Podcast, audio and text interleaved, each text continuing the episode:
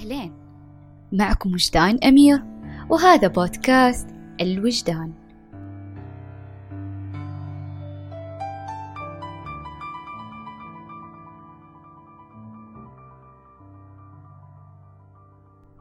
يتمحور بودكاست الوجدان عن تعريف وتفسير المشاعر الأساسية للإنسان وتأثيرها علينا من الناحية الصحية وأيضا تأثيرها علينا في شتى جوانب الحياة. إذا بعد أن تعرفنا على مشاعرنا الأساسية وتأثيرها علينا يجب أن نعرف كيف ننمي مهارة التحكم بعواطفنا ومشاعرنا وانفعالاتنا والتي نطلق عليها بمصطلح الذكاء العاطفي. إلى كل من يسمع السلام عليك وعلى قلبك الصغير. من مقام رحب يسعد بكم جميعا. أهلا ومرحبا بكم في الحلقة الأولى من بودكاست الوجدان. لنتعرف سويا على مشاعرنا التي تنالنا دون وعي منا. ما مفهومها ما مصدرها وما طبيعة أثرها الوجداني. ومن أي نافذة يا ترى تتسلل تلك العواصف والعواطف إلى وجداننا.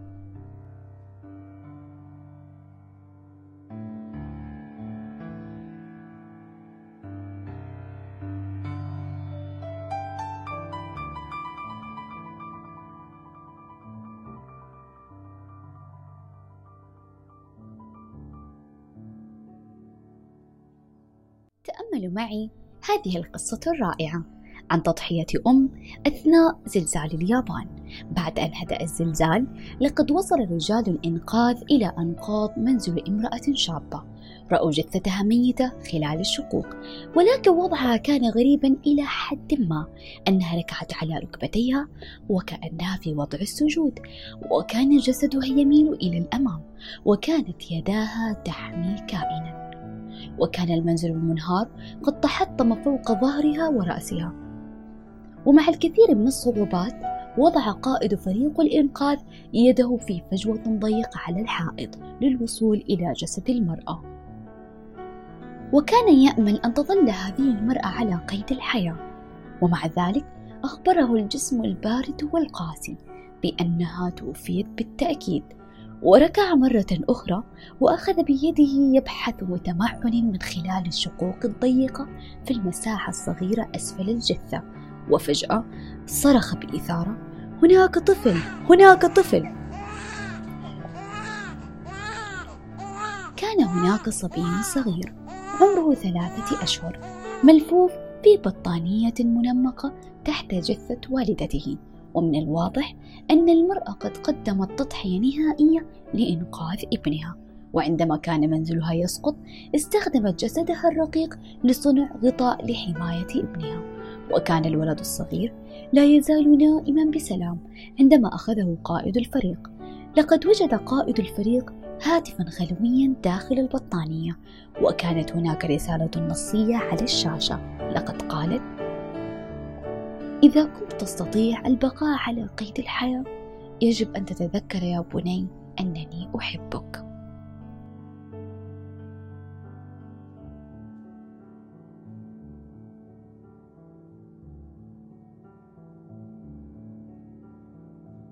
نعم إن هذا الفعل النموذجي لفعل الأم تم وصفه وصف استشفافي وملهم لغاية العواطف وقوة تأثيرها.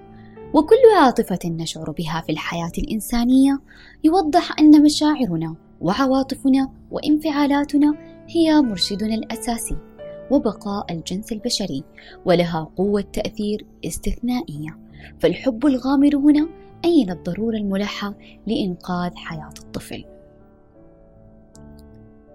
إذا الوجدان هو وجدان المرء نفسه وقواه الباطنية. وما يتأثر به من لذة أو ألم.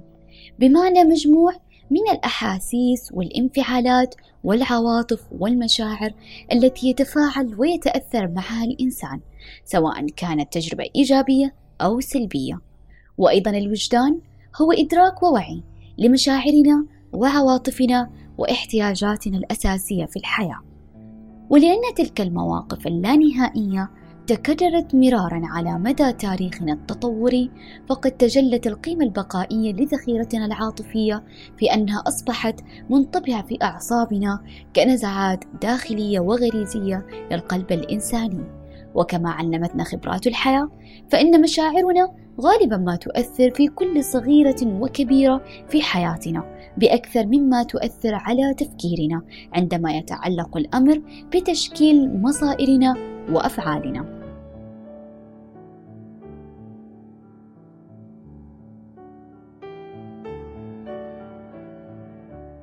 لماذا تظل المشاعر والعقل في حالة تآهب للحرب فيما بينهما؟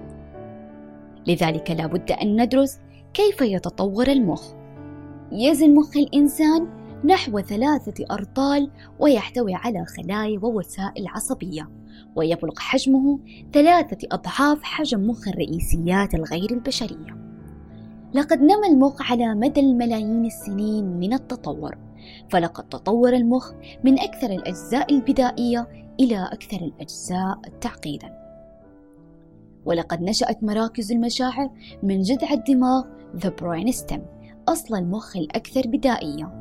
ثم نشأ العقل المفكر أو القشرة الدماغية الجديدة The New Cortex هذه القشرة الجديدة عبارة عن انتفاخ بصيلي مكون من لفائف نسيجية تشكل الطبقات العليا من المخ. ونشوء العقل المفكر من العقل الانفعالي يكشف عن العلاقة ما بين الفكر والمشاعر. فقد كان العقل الانفعالي موجودا في المخ قبل وجود العقل المنطقي بزمن طويل وأقدم أصل لحياتنا الانفعالية هو حاسة الشم. إذا المصدر الأساسي للمشاعر والانفعالات هو الجهاز العصبي ناتجة عنها تغيرات فسيولوجية عصبية مرتبطة بشكل مختلف بالأفكار والمشاعر والاستجابات السلوكية ودرجة معينة من المتعة أو الألم. ومع تطور المخ لقد نشأ جزء رئيسي وهو The Limbic System وهو جزء من الدماغ يلتف ويحيط بجذع الدماغ The Brain Stem. وهذا الجزء المهم أضاف إلى سجل المخ التاريخي عواطف وانفعالات مميزة.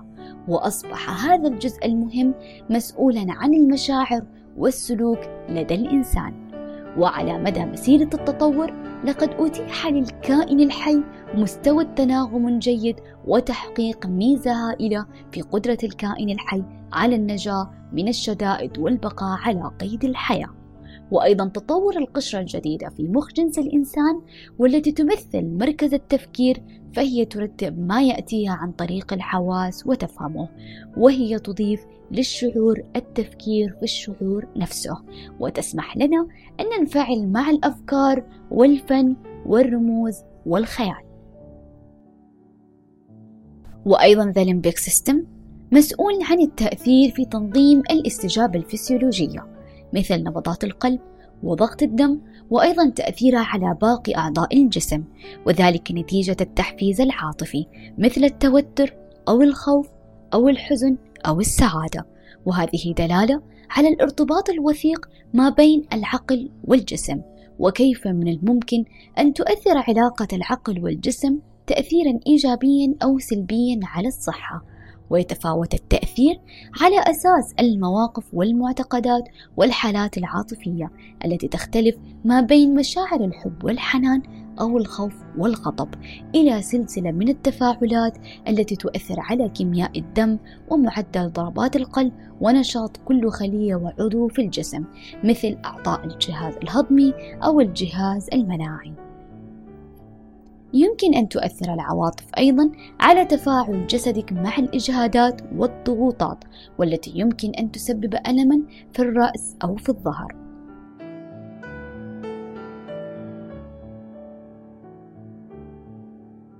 الوجدان ميزة إنسانية أنعمها الله علينا، لذلك الوجدان جزء لا يتجزأ من الإسلام. ويحثنا على تربية وجداننا وضبط السلوك والانفعالات.